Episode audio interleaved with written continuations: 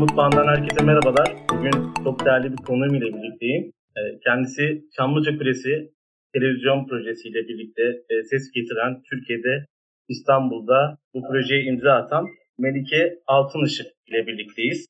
Kendisi Melike Altınışık Architecture kurucusu. Öncelikle Melike Hanım hoş geldiniz. Nasılsınız?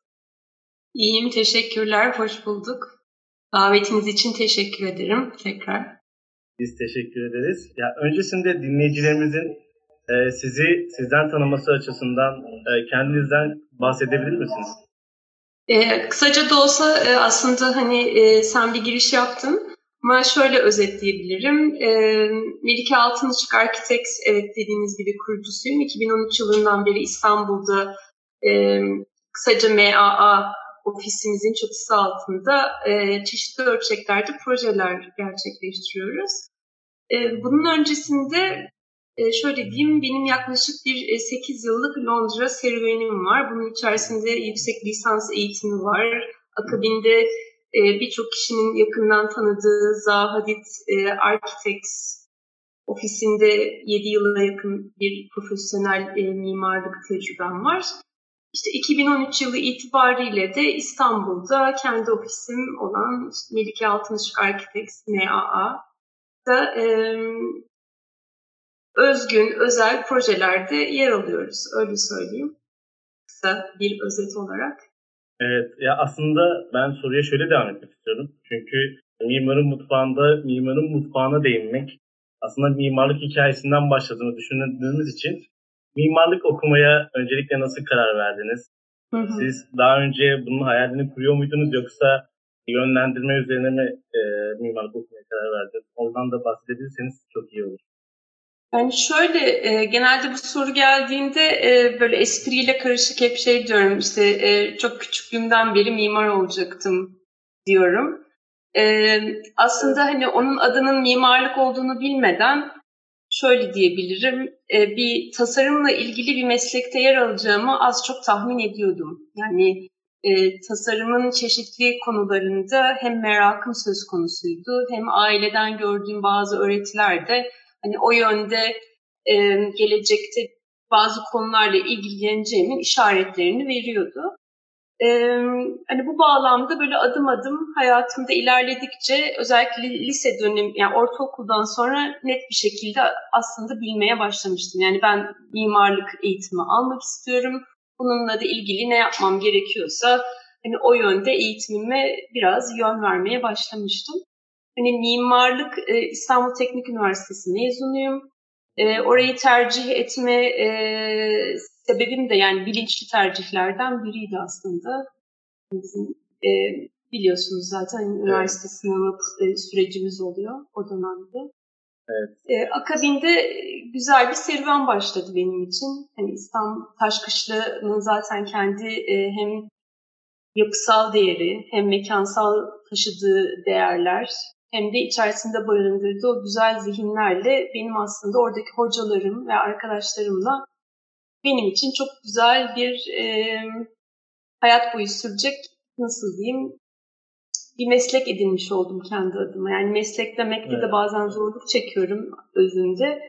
Çünkü benim için bir e, hayat görüşü, hani mimarlığı üzerine düşünmek, e, onun için üretmek, o bağlamda bir sürü e, başka zihinlerle bir araya gelmek çok değerli. Yani yaklaşık işte benim İstanbul Teknik Üniversitesi'nden mezun olduğum nereden baksanız işte 17 yılı geçti öyle söyleyeyim.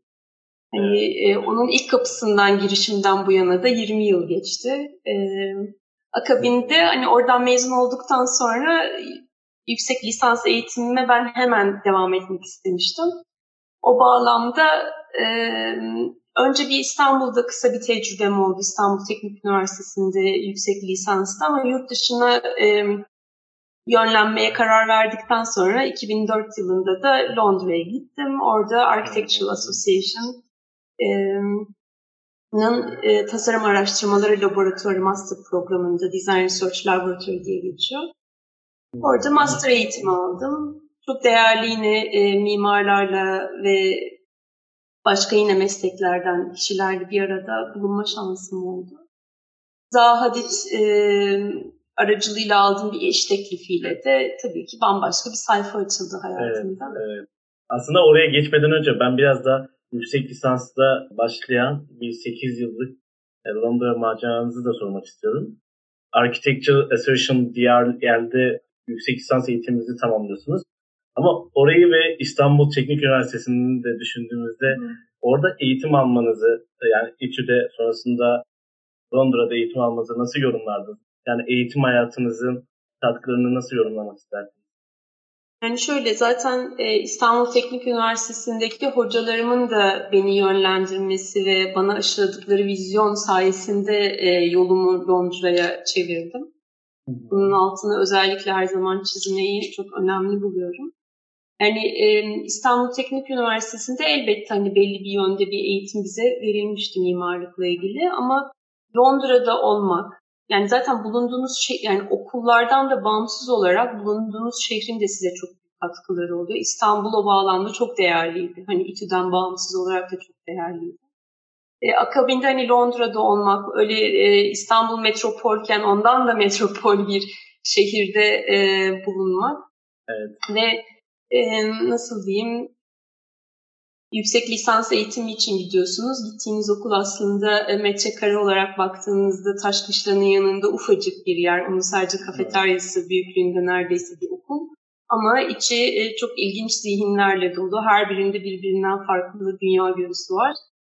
Dünya artı mimarlık görüsü var ve dünyanın çeşitli yerlerinden gelmiş bireylerden bahsediyoruz. Yani hani bir nevi küçük bir dünya atlasının üstündesiniz gibi hani okulun içerisinde kime çarpsanız başka bir memleketten, e, başka bir kültürden ama hep herkesin bir ortak derdi var. O da mimarlık üzerine düşünmek, üretmek, tartışmak istiyorsunuz. Tabii ki benim için hani bir yandan bir kültür şoku da oluyor haliyle. Çünkü burada alıştığınız bir yöntemler var, düşünme şekilleri var. Kendi kültürünüzle en çok iç içe olduğunuz, hele ki benim olduğum dönemlerde, hani okuduğum dönemlerde o kadar çok yabancıların olmadığı bir e, nasıl diyeyim stüdyo kurgusu vardı İTÜ'de. Zaman içerisinde tabii yabancıların sayısı da arttı İstanbul'da. Fakat hani bir anda e, bambaşka kültürlerin de bir arada olduğu stüdyolarda olmak Londra'da hatta sokakta yürürken e, tabii ki sizi şöyle bir sal, e, olduğunuz yerde nasıl diyeyim bir kendinizi silkelemenize sebep oluyor. Ve tabii bunların hepsi çok değerli. Hani, e, hani aldığınız bilgilerden öte o karşılaşmaların ben çok önemli olduğunu bir yandan düşünüyorum. Herkese de söylerim. Hayatınızda kimlere değdiniz, kimlerle bir arada oldunuz, onlardan bir cümle olsa bile ne kaptınız, e, ne duydunuz, sizi nasıl etkilediler.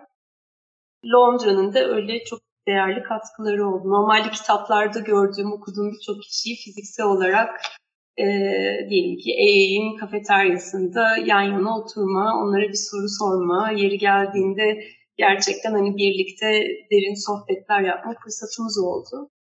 Ve bunları da hani çekinmeden yapmayı öğreniyorsunuz. Bence o da çok önemliydi bizim için. Hani ulaşılmaz olarak gördüğünüz birçok kişinin aslında sizden farkı olmadığını, e, onların da size benzer yollardan geçtiğini fark etmek, o farkındalığı geliştirmek değerli. Hani evet. önemli.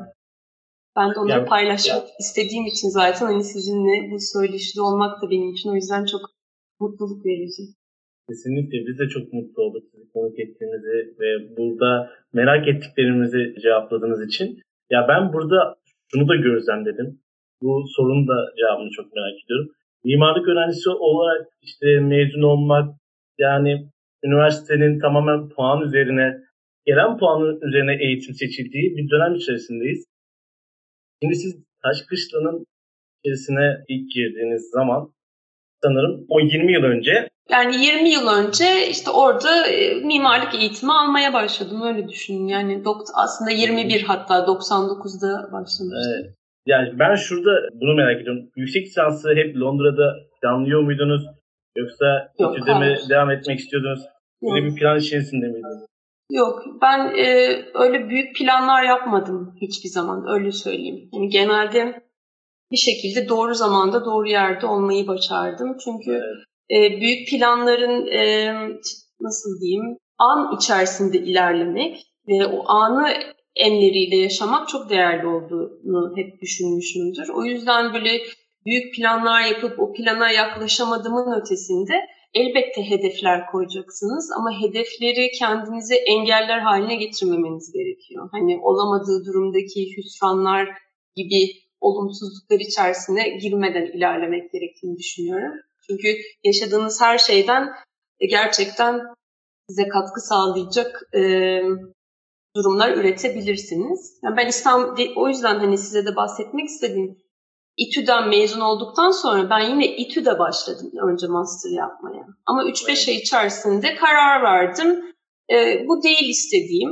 Benim yurt dışında bir yere gitmem gerekiyor. Yani onu deneyerek gözlemledim ve o kararı öyle verdim. Öyle söyleyeyim yani. Denedim, gördüm. Benim başka bir şeye ihtiyacım var. Onu fark ettim. Sonra bu ne olabilir sorusunu sordum. Çünkü hep soru sormanız gerekiyor. Evet. Yani o sorulara cevap aradıkça ilerliyorsunuz zaten. Hani sadece bir şeyleri özenerek adım atmak değil, sizi ilgilendiren ve sizin için iyi olanın sorusunu sormak önemli olan. Öyle söyleyeyim. Ya ben biraz da böyle tam iş tecrübesine gelmeyi planlıyorum. Böyle Zaha Architecture'da 7 yıl boyunca çalıştınız. Çokça alanda kendinizi geliştirdiğinizi söylediniz. Orada çalışmak, tecrübeler edinmek, Zaha Architecture'ın çalışması sizin Türkiye'de e, Melike Altın Architecture mutfağına yansıdı mı? Yoksa elbette e, bir tasarım diliniz zamanla kendinizin de oluşturduğunuzu mu düşündünüz? Öyle mi başlamak istediniz? O süreçten de bahsedebilirseniz çok iyi olur. Yani şöyle diyeyim ben e, Zaha'yla tanışmadan önceki dönemde de benzer şeyler üretiyordum. Onunla tanıştıktan sonra da benzer şeyler ürettim. Kendi yolculuğuma devam ederken de bir nevi benzer. Yani benzerden kastım form biçim bağlamında konuşmuyorum. Düşünce yapısı olarak konuşuyorum. Böyle özetleyeyim size. Benzer akıllar birbirini bulurlar. E, öyle yollarına devam ederler. Yani e, bunun üzerine ekleye ekleye geliştirirsiniz. Hani siz de kendi yolunuza aslında devam ettiğinizde aslında bir nevi zaten e, ortak paydadaki konu üzerinden devam ediyor olursunuz. E, o ofiste beni en çok etkileyen şeylerden biri zaten hani oradaki insanlar olmuştu. Yani Zaha tabii ki mentorumuz ve bizim için bizi bir araya bağlayan en önemli bağlaç kendisi. Ama onun ötesinde her zaman da söylerim oradaki karşılaşmalar, insanlar yani e, onlarla geçirdiğiniz o zaman, onlardan öğrendikleriniz sürekli bitmeyen bir okul. Hani her gün bir şey öğreniyorsunuz. O yüzden ayrılmak da zor oluyordu benim için. Yani bir türlü ayrılmayı başaramamıştım. Belki yine başaramayacaktım ama bir risk aldım. Hani evet. e, ve o riski aldığımda işte 32 yaşındaydım ben. E, hmm. 2012 yılında. Dedim ki kariyerime ya Zaha'nın bünyesi altında e, yani o ofisin bünyesi altında yine çok değerli kişilerle ve önemli projelerde yer alarak devam ediyor olacağım. Ya da sıfırdan başlayacağım. Çünkü e, oradan ayrıldıktan sonra gerçekten bembeyaz boş bir sayfanın içerisindesiniz. evet. o bembeyaz boş sayfayı kurguluyorsunuz. Oradan başlayacaksınız ki hani benim o dönemki pozisyonumda olup o, o noktadan sıfırdan başlamak kolay bir şey değil. Yani çok zor bir şey. Çünkü hayatınızda zaten birçok şeyi yapmışsınız. Çok ciddi ekipler yönetmişsiniz. Ee, istediğiniz nasıl diyeyim dünyanın en iyi mühendislik firmaları sadece bir saniye telefon hani uzaklığında size kimi arasanız anında size yardımcı oluyor, destek oluyor. Projelerin her türlü sorunu en hızlı ve en böyle güçlü bilgi dolu şekilde çözülüyor. Yeri geliyor bilgisayar programı yazılımcıları e, ofisi bir yani özellikle ziyaret ediyorlar. Ne yönde geliştirsinler programı? Hani neye ihtiyaç var diye. Hani o yüzden hani bilginin gücünün merkezindeyken öyle bir yerden işte sıfırdan başlamak kolay değil ama yapılmayacak bir şey de değil. İşte hani benim geçtiğimiz 7 yıl bana onu gösteriyor 2013'ten bu yana. Ee, zor bir yolculuk. Yani hala da zor olduğunu düşünüyorum. Ama demek ki biz e, bu zorlukları zaten hani zorlukların oluşturduğu sorulara cevap vermeyi seviyoruz. evet, diye evet. kendimi çok istiyorum. Ya ben şöyle bir soruyu daha sormak istiyorum. Şimdi Melike Altınışık Architecture kurulduğu zaman sizin daha önce işte 7 yıllık zadi tecrübeniz vardı.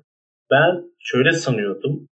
Sizin orada çalışmanızın bir etkileri üzerine tasarım dilinizin oluştuğunu düşünüyordum. Ama siz daha önce böyle tasarımlarla ilgilendiğinizi söylemiştiniz. Öğrencilik zamanlarınızda, yüksek lisans zamanlarınızda.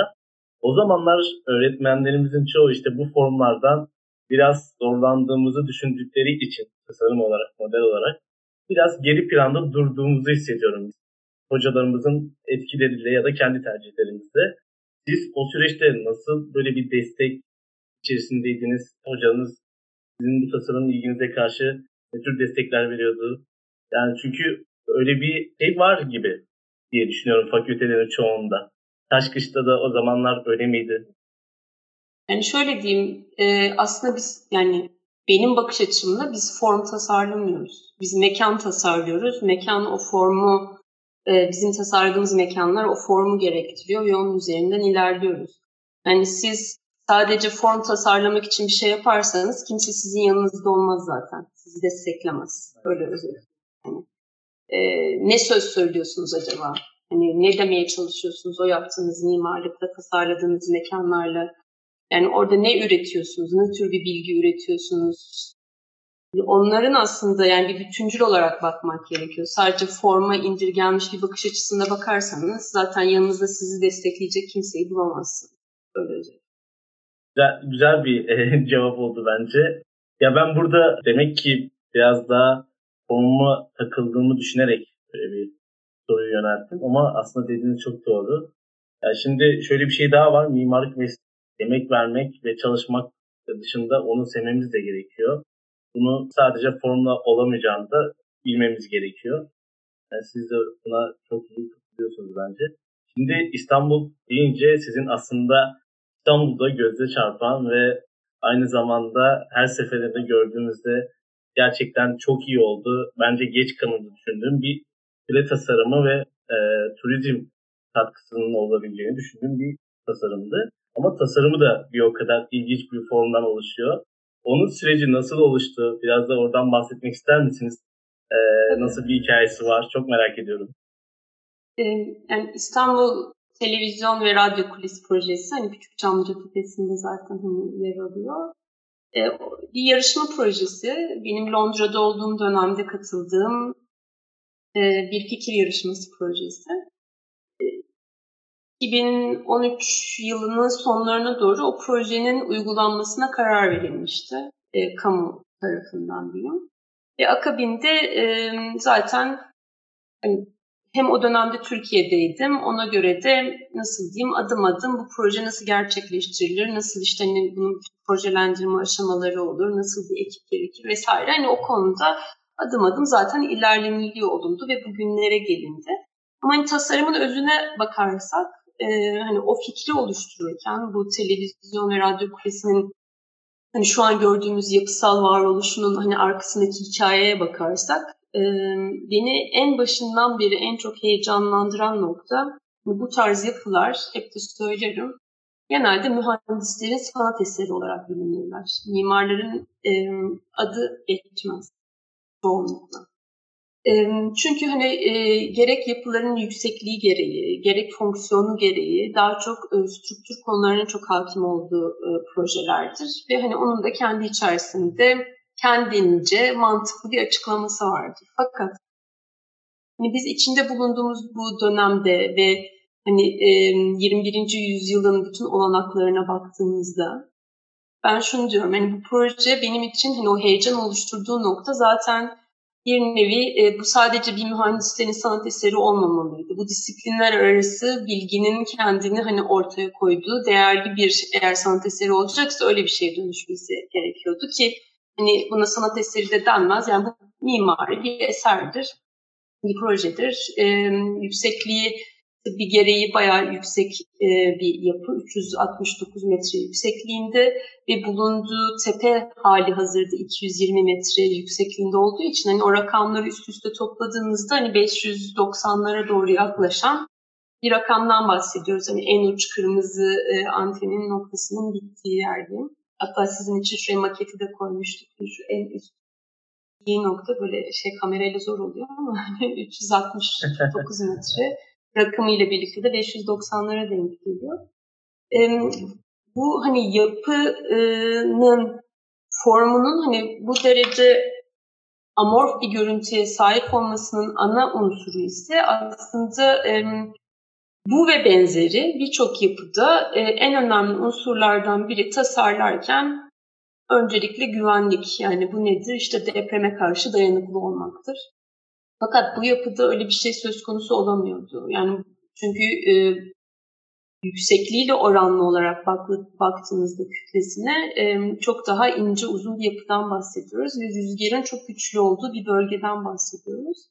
Böyle bir durumda işte çevresin yani kendi bulunduğu e, coğrafyayı yapısına nasıl yansıtabiliriz sorusu ve bunu sadece e, yapıyı strüktürel olarak güçlü kılmak değil, bunu mimaride kendini e, cevap arıyor olması nasıl sağlanır üzerinden gerçekleşti.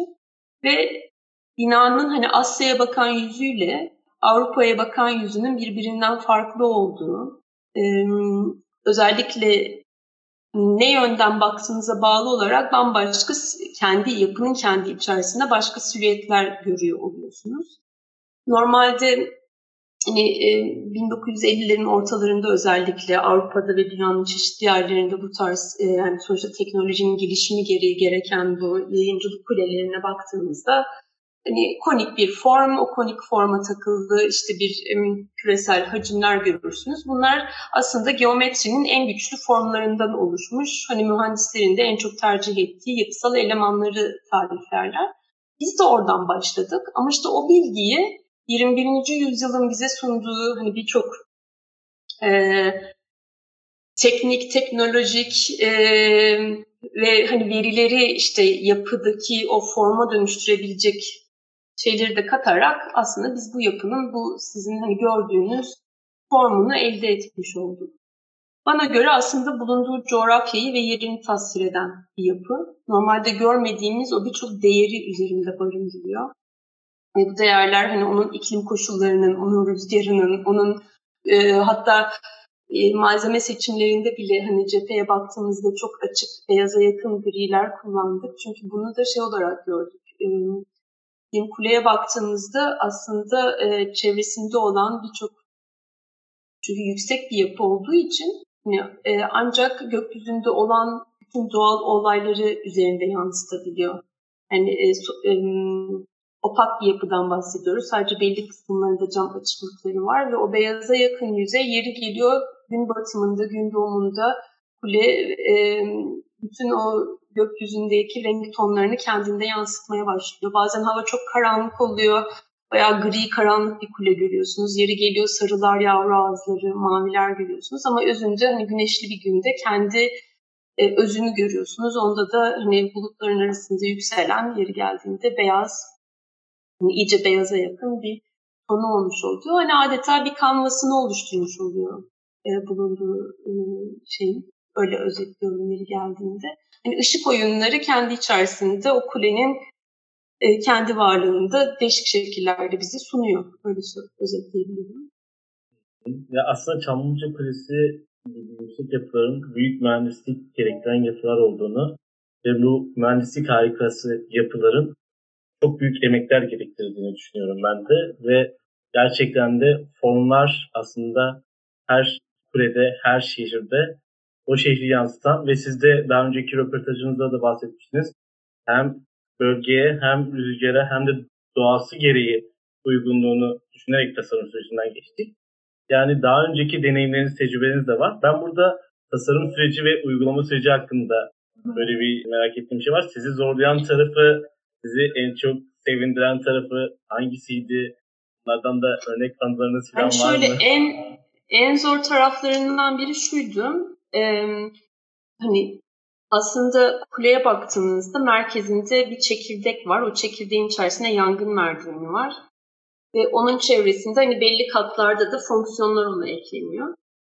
Ve hani oralarda zaten form dışarı doğru daha genişleyerek ana şeklini oluşturmaya başlıyor.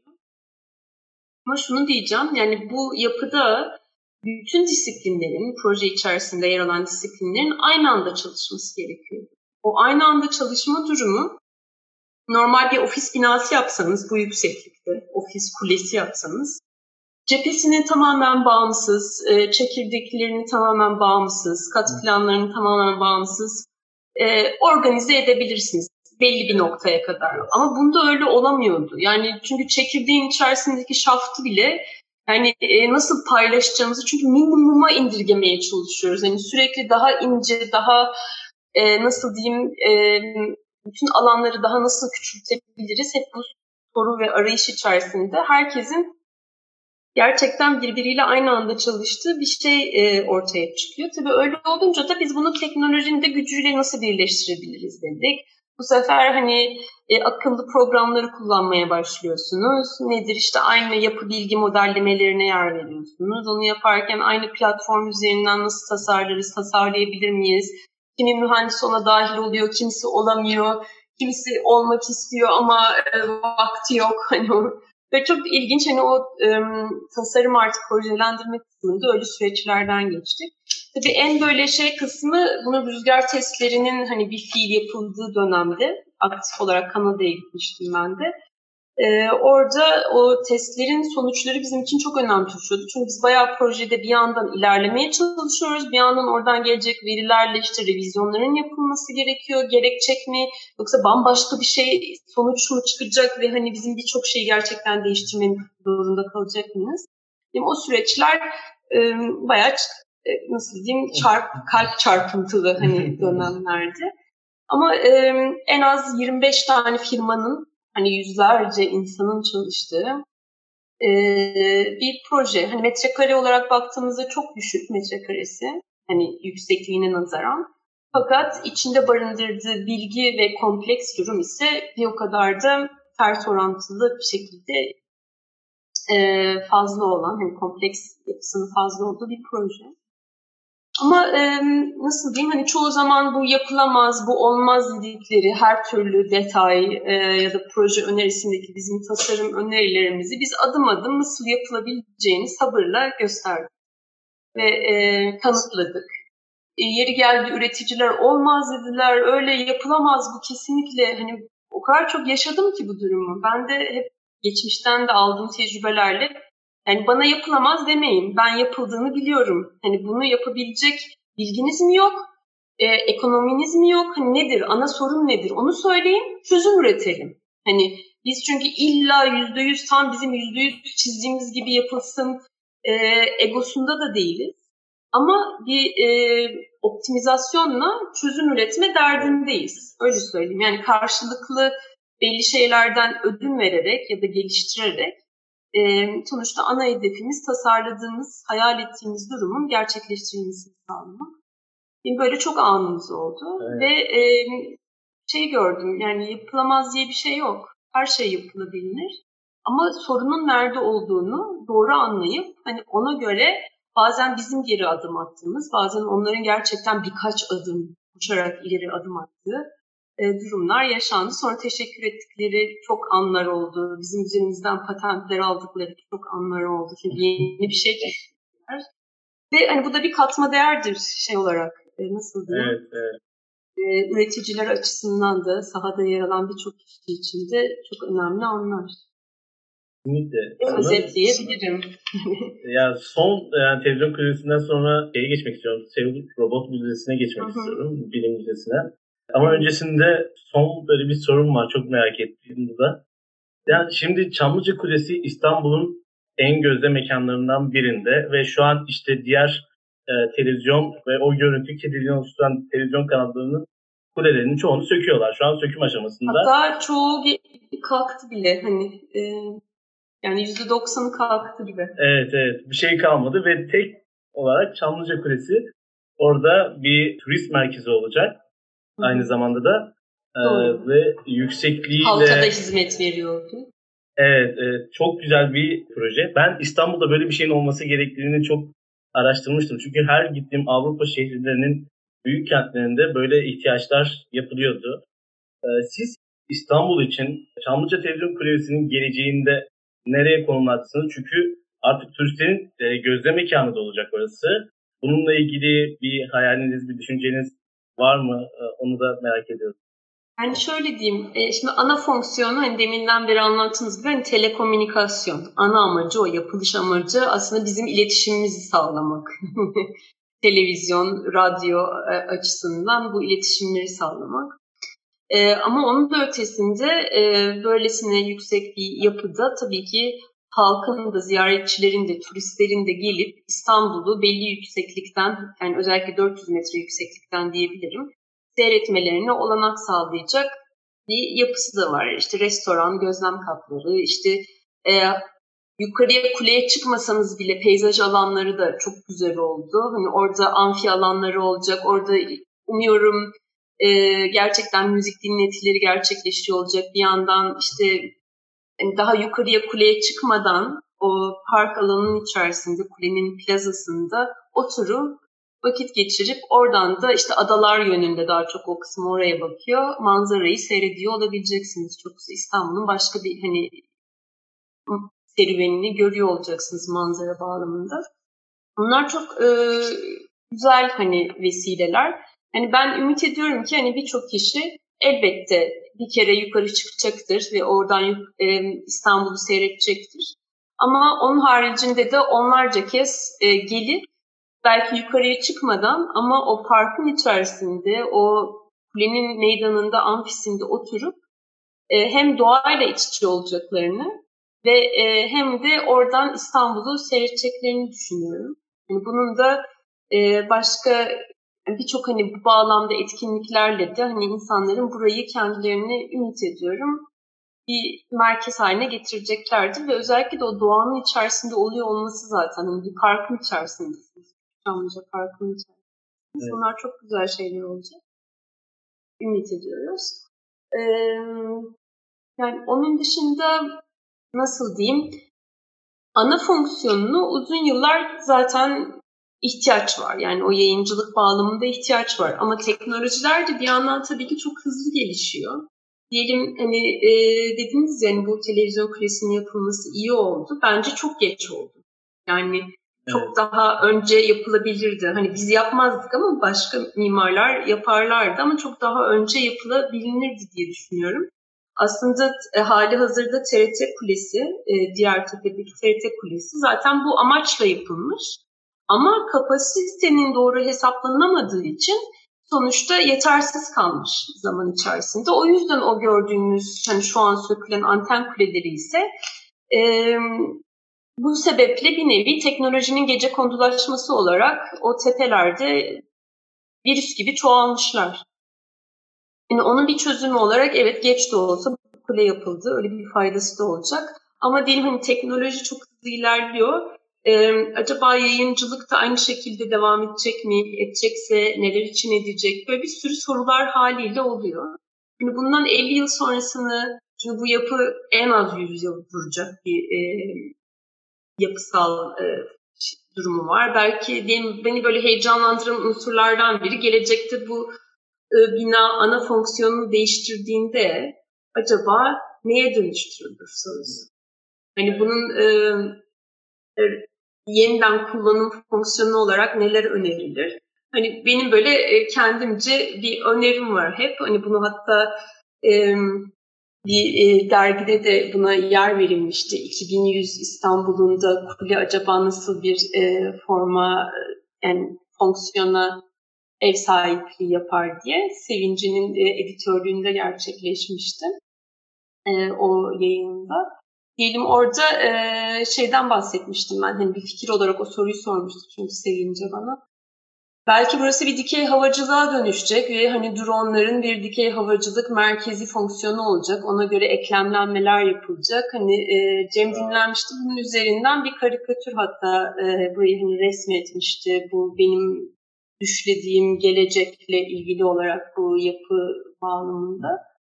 Hani bu sadece bir ön, düşünce sonuçta hani bir öneri.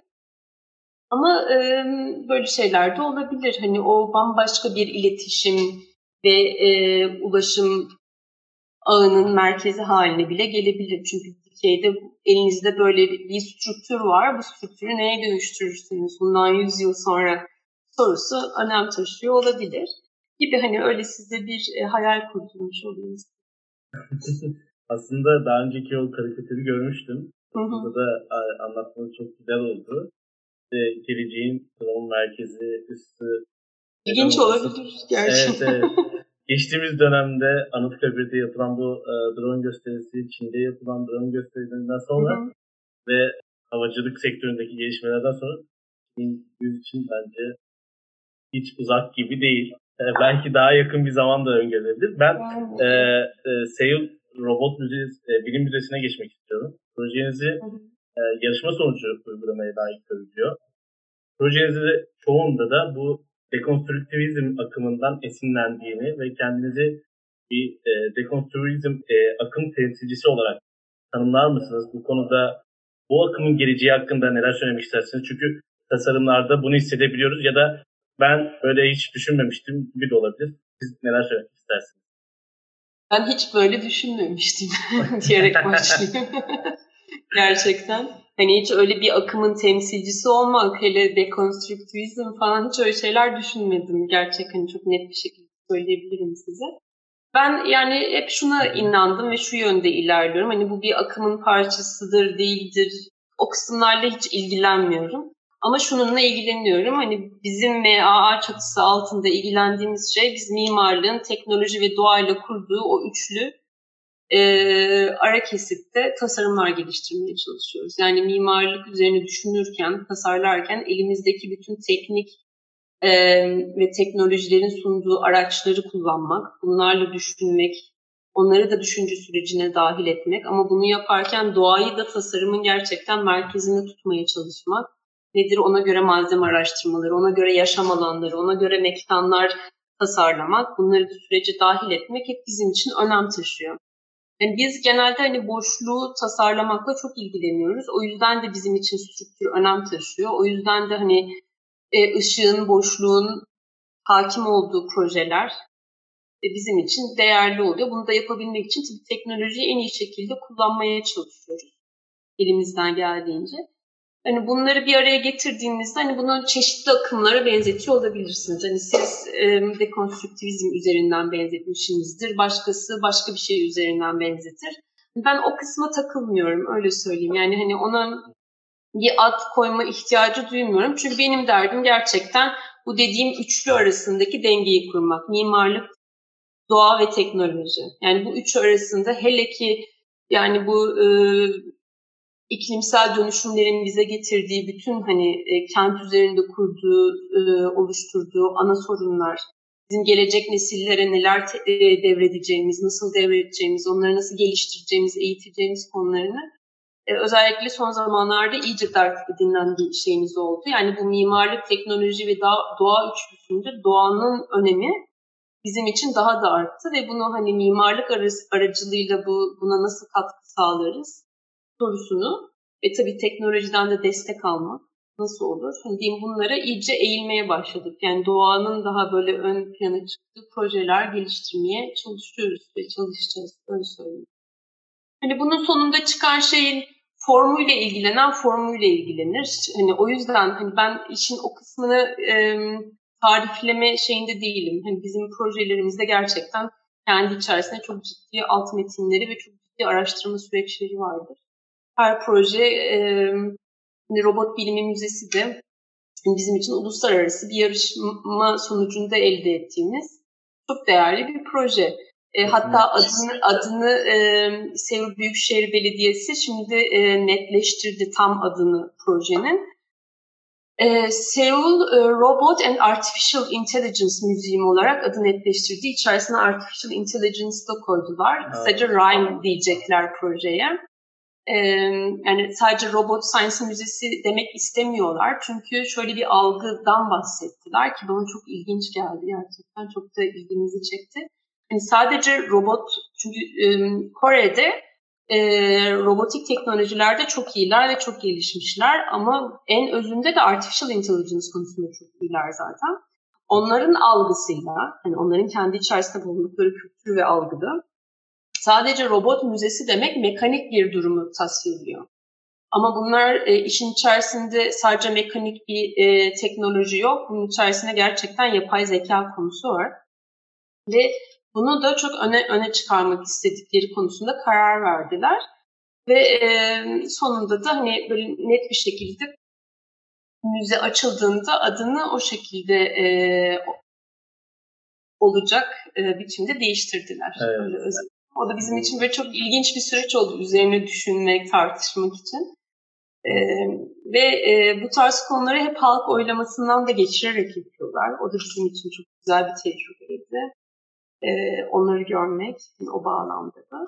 Ve hani robotlar için robotların aktif olarak yer alacağı, hani hem tasarlarken hem e, sahada üretiminde belli safhalarında e, görevler üstlenecekleri bir e, müze projesinde yer almak bizim için değerli. Ben müze demek istemiyorum o yapıya ama onlar müze demek konusunda ısrarcılar. Bir onu değiştiremedim. Yani o konuda ikna edemedim. Bana göre hani robotların müzesi olmaz ya da artificial intelligence müzesi evet. olmaz. Çünkü sürekli değişen, çok hızlı bir şekilde değişen bir teknolojiyi müze demektense daha başka bir isimler bulunması gerektiği fikrindeyim. Ama e, o da bir sonraki projelerden. Evet, evet. Ya aslında e, böyle daha çok konuşacak konular da var. Şu an işte yeni yaptığınız bir yapı daha var. İnceleme fırsatını yeni bulmuştum. Instagram üzerinden görmüştüm. Bu toplu konut projesi AVM tarzında olan. Onu da konuşmak isteriz ama vaktimiz kısıtlı. Ben e, hazır sizinle konuşurken bir yayın için daha söz almak isterim. E, İnşallah ileride hani biz biraz daha çalışalım, üretelim. Ondan sonra bir araya geliriz. Konularımız artsın biraz daha konuştuk. Ee, ya ben biraz daha böyle son timeline'ı tamamen öğrencilere yönelik ayarladım. Tabii Burada ki. Çok işte güzel. öğrencilere en sevdiğim yönelik, kısım. evet, sorular ve cevaplar olacak. Mümkün olduğunca böyle e, kısa cevaplar alabilirsek tamam. e, çok iyi olur. E, ama e, yayınımızın e, akışına göre de şey yapabiliriz. Soruların e, ilgi çekecek tarafı olduğu sürece. Şimdi e, şöyle başlamak istiyorum. Öğrencilik zaman, mimarlık öğrencilik zamanlarınıza gitmek, biraz da İstanbul Teknik Üniversitesi'nde eğitiminizi konuşmak üzerine şöyle bir soru sormak istiyorum. İTÜ'de okumanız, Taşkışla'da okumanızı bir cümleyle özetlemiş olsaydınız o ne olurdu diye bir soru sormak istiyorum. Yani Taşkışla deyince hep orta bahçe denir ilk cümlenin başında. O da e, karşılaşmalar demek. Hani çeşitli kişilerle çok güzel karşılaşmalar demek benim için e, yani taş kışlanın kapısı. Hani e, ben kapıların gücüne çok inanıyorum. O kapıları açtığımızda arkasındaki zihinlerle karşılaşmanın gücüne de çok inanıyorum. Taş kışlanın kapısı, koridorları ve orta bahçesi en güzel bence buluşma alanlarıydı. Öğrenmek, tartışmak ve birlikte düşünmek. Öyle özetleyeyim yani. Ortada mekanın gücü çıkıyor ortaya, taş kışlanın gücü.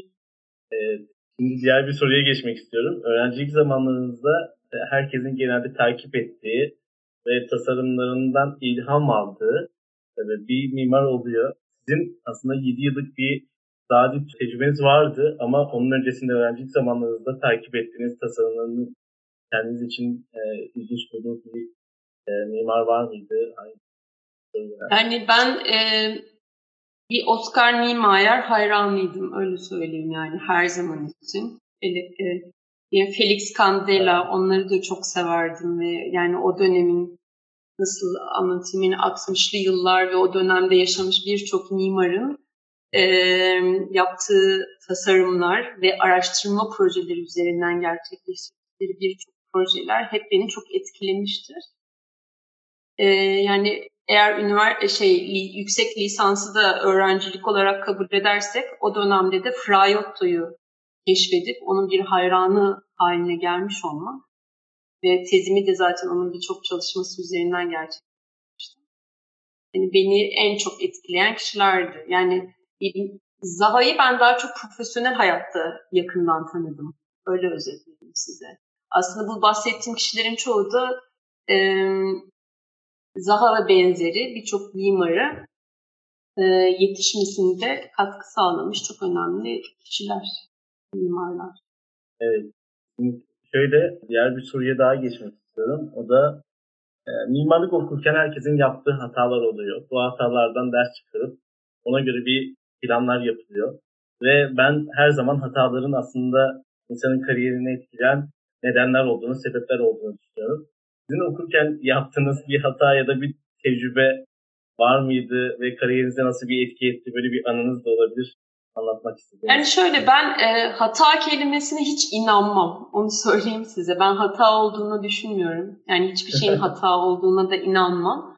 Ama onu e, nasıl diyeyim pek özen göstermeden yapmışsınızdır, eksik yapmışsınızdır vesaire vesaire. Ama bir hata değildir benim dünya görüşüm bağlamında.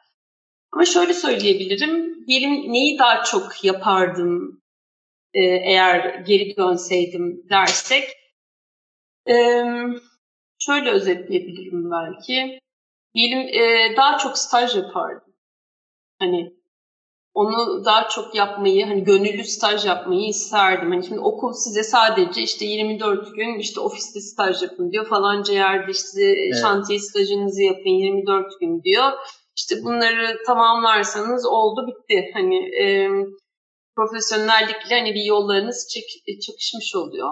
Benim daha çok hani staj yapabileceğim pozisyonlarda yer almak için çabalardım kendim gönüllü olarak. Onu yapmayı isterdim. Daha çok mimarla o bağlamda yollarımı kesiştirmeyi isterdim. Hani şu anki aklımla bir dönsem. Diyeyim, bizim zamanımızda çok fazla atölye çalışmaları yoktu. Çok nadir oluyordu. Olanlara da ben katılıyordum zaten. Ama gerçekten çok nadir oluyordu. Ee, keşke ama o benimle de ilgili değil. Hani keşke o olanaklar olsaydı. Öyle söyleyeyim. Hani o olanaklar pek yoktu. Hani sizler o yüzden çok daha şanslısınız. Hani genç öğrenciler evet. için söylüyorum. Hani dünya e, sadece klavyelerindeki birkaç tuşa bağlı. İşte her yerde atölye çalışmaları ki artık online oldu bir de bir sürü atölye çalışması. Hani e, biz falanca şeyde eksiyiz kimse demesin ya. Öyle söyleyeyim. Sadece ilgisi yok demek ki. Hani yapabilecek bir şey yok o zaman da. Ee, benim hobilerini arttırmalarını çok tavsiye ederim gençlere. Hani bu hobi illa birebir direkt mimarlıkla ilgili olması gerekmiyor. Hayatta onları besleyecek hobilerinin olması gerektiğini düşünüyorum. Hani bu sanatla ilgili konular olabileceği gibi aslında sporla ilgili konular da olabilir. Çünkü bunların her biri kümülatif olarak bir araya geldiğinde sizin e, hayattaki disiplinler e, varoluşunuzu etkilediklerini düşünüyorum. E, yani de, dert edinsinler birçok şeyi kendilerine. Öyle evet, evet, Özellikle dert. de bence doğayı e, dert edinmelerinde fayda olduğunu düşünüyorum. Yani kent üzerinden doğayı dert, eğer kentlerde evet. özellikle yaşayacaklar. Evet, evet. Ya aslında kent demişken benim e, şu öğrenciliğin sorduğum sorular arasında bir soru eklemek istiyorum. Pandemi sürecini nasıl yorumlardınız? Pandemiyi nasıl yönettiniz? Pandemiyle birlikte böyle bir tasarım e, etkilerini konuşmak isterdim. Onunla ilgili e, söylemek istedikleriniz var mı? Yani aslında biraz o konuda geçmişte bir yayın serisi yaptık ve pandeminin olduğu dönemler, herkesin evde olduğu dönemler biz balkon konuşmaları diye bir seri yaptık. Bütün mimarlara pandeminin tasarıma etkileri üzerine bir konuşma oldu aslında şu an pandeminin etkisi her ne kadar görülse bile işte yıl sonuna kadar e, aşının bulunmasıyla geçeceği ve o zamanlar denildiği gibi çok çabuk unutacağız diye.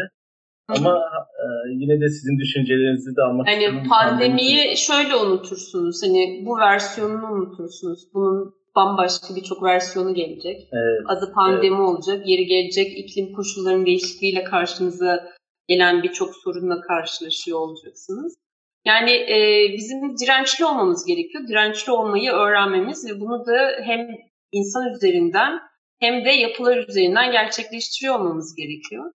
E, bana göre en önemli unsurlardan biri gerçekten kenti hatırlamak ve kentteki yoğunluğu, yoğunlukların tasarlanması gerekiyor. Yani e, yoğunlukların dengesinin tasarlanması gerekiyor. Yani sizin pandemi dediğiniz şeyin özünde e, aslında şehir içerisindeki hareketi nasıl yoğunluğunu dengeli hale getirirsiniz?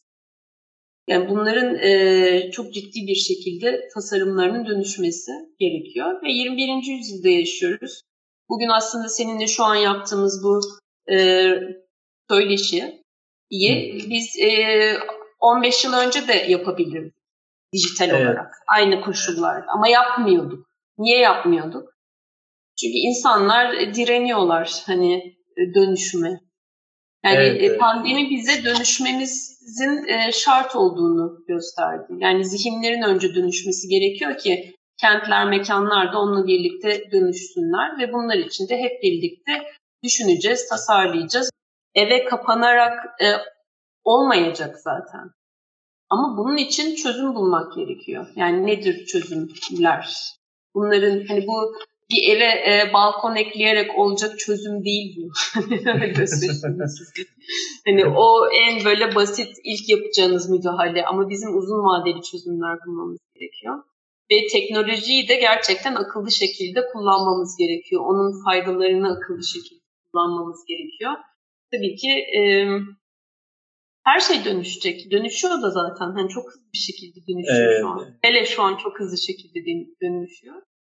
Ee, hep birlikte çözümler üreteceğiz. Onun üzerine düşüneceğiz. O yüzden neyi dert edindiğimiz önem taşıyor bundan sonra. Kesinlikle. Yani ben doğayı dert çok edindim. dert edindim. Az önce öğrenciler için bulunduğunuz tavsiye de aslında çok güzeldi. Dert edinmek, doğayı özellikle Hı-hı. ve evet. işte pandemiyi konuşurken de bir şeyleri dert edinmek aslında her zaman yani çözüme kavuşulan bir şey. Ma- yeni, yeni malzemeler üretmek. E, diyelim hani biraz az önce bir soru daha sormuştunuz. E, bir şeyler hani siz hata dediniz de ben eksik diye adlandırıyorum. Bence en en en önemli şeylerden biri öğrencilerin yapması gereken sadece mimar arkadaşları olması. Sadece mimarlarla vakit geçirmesinler. En en önemli konu o. Yani e, disiplinler arası bir ortamda olmaları gerekiyor. Bundan sonraki dünya öyle bir dünya olacak. Ben kimsenin tek bir, bir işi olacağına inanmıyorum bundan sonra. Yani tek bir mesleğe sahip olacaklarına inanmıyorum. Birçok şey yapıyor olacaklar aynı anda. Yani en az 2-3 konu e, masalarında duruyor olacak. Ve bunu yaparken de sadece işte kendi disiplinlerindeki insanlarla bir arada olursak hepimiz için geçerli bu. Biz bir yere gidemeyiz. Hani aynı pandemi girdabında pandemi 101 e, üzerinden devam ediyor oluruz. Ama bunun ötesine geçmenin işte dönüşüm yani dönüşümde hep birlikte dönüştürmek gerekiyor. Bu hep birliktelik bütün mimarlar bir araya toplansın değil. Ee, Birçok başka disiplinle bir araya gelerek bu dönüşümleri sağlıyor olmamız gerekiyor. Evet, Biz evet. bunun üzerine çok düşünüyoruz ve çok çalışıyoruz. Öyle söyleyeyim. E, ve böyle de devam edeceğiz diye özetleyeyim ben artık. evet evet çok güzel aslında özetlediniz. Öyle son bir iki soru kaldı. Şimdi diğer soruma geçiyorum. Bunlar da kısa cevaplar. Öğrencilere ara vermiştik. Öğrencilerin sorularına tekrardan devam etmek istiyorum. Şimdi her konuma sorduğum bir soru var. Bu soruyu e, her seferinde soruyorum. Çünkü ben e, daha önce her gittiğim toplantıda bu tür her iş başvurularında yani tabii bu mimarlık ofisleri değil, benim farklı alanlarda tecrübe ettiğim yerler vardı. Hı. 20 yaşına dönmüş olsaydınız neyi farklı yapardınız sorularından daha çok 20 yıl sonra nerede olmak isterdiniz? Ama ben bunu evet 20 yıl öncesini ve veya işte gençlik yıllarında üniversite öğrencileri çok büyük tavsiyeler alabilecek güzel bir soru olarak düşündüğüm soruyorum. Siz 20 yaşınıza dönmüş olsaydınız neyi neden farklı yapardınız ya da neyi neden tekrar yapardınız? Aslında biraz önceki şeyime geri dönebilirim bence. Hani e, verdiğim tavsiyeye geri dönebilirim. Neyi farklı yapardım? Gerçekten daha e, disiplinler arası bir ortamda olmaya çalışırdım. Ve e, yani mimarlığı okurken eş zamanlı e, hani daha da bunu besleyecek yani doğa bilimleriyle ilgili konularla ilgilenmek isterdim. Öyle söyleyeyim size. Yani daha böyle malzemeyle iç içe olmamı olanak sağlayacak. Doğa, yani doğa, doğa bağlamında da hani buna destek sağlayacak konularla ilgilenmek isterdim. 20'li yaşlarıma o bağlamda geri dönseydim. Ama onun dışında hani e, özellikle bir şeyi değiştirmek istemem yani hani çünkü beni zaten bugüne getiren şeyler o günlerde aldığım kararlardı yani hani o günler ve sonrasında aldığım tüm kararlardı ee, diye özetleyebilirim kendi içerisinde. Yani çok zor bir soru. Hani o yüzden evet, neyi evet. değiştirmek isterdiniz? Hani bir şey istemezdim aslında değiştirmek ama özünde hani gerçekten daha başka disiplinlerle bir arada olmamı sağlayacak ortamlara girmek isterdim. Yani o, o birliktelikleri diyeyim. Şu an var o ortamlar. Bizde yoktu bir de. Hani şey olarak da var. Yani atölye çalışmaları aracılığıyla zaten bu görüşte olan birçok kişi yani ona göre atölyeler düzenliyor ve değişik kişileri bir araya getiriyorlar. Yani o çeşitliliğin olduğu ortamlarda yer alabilir gençler şu an.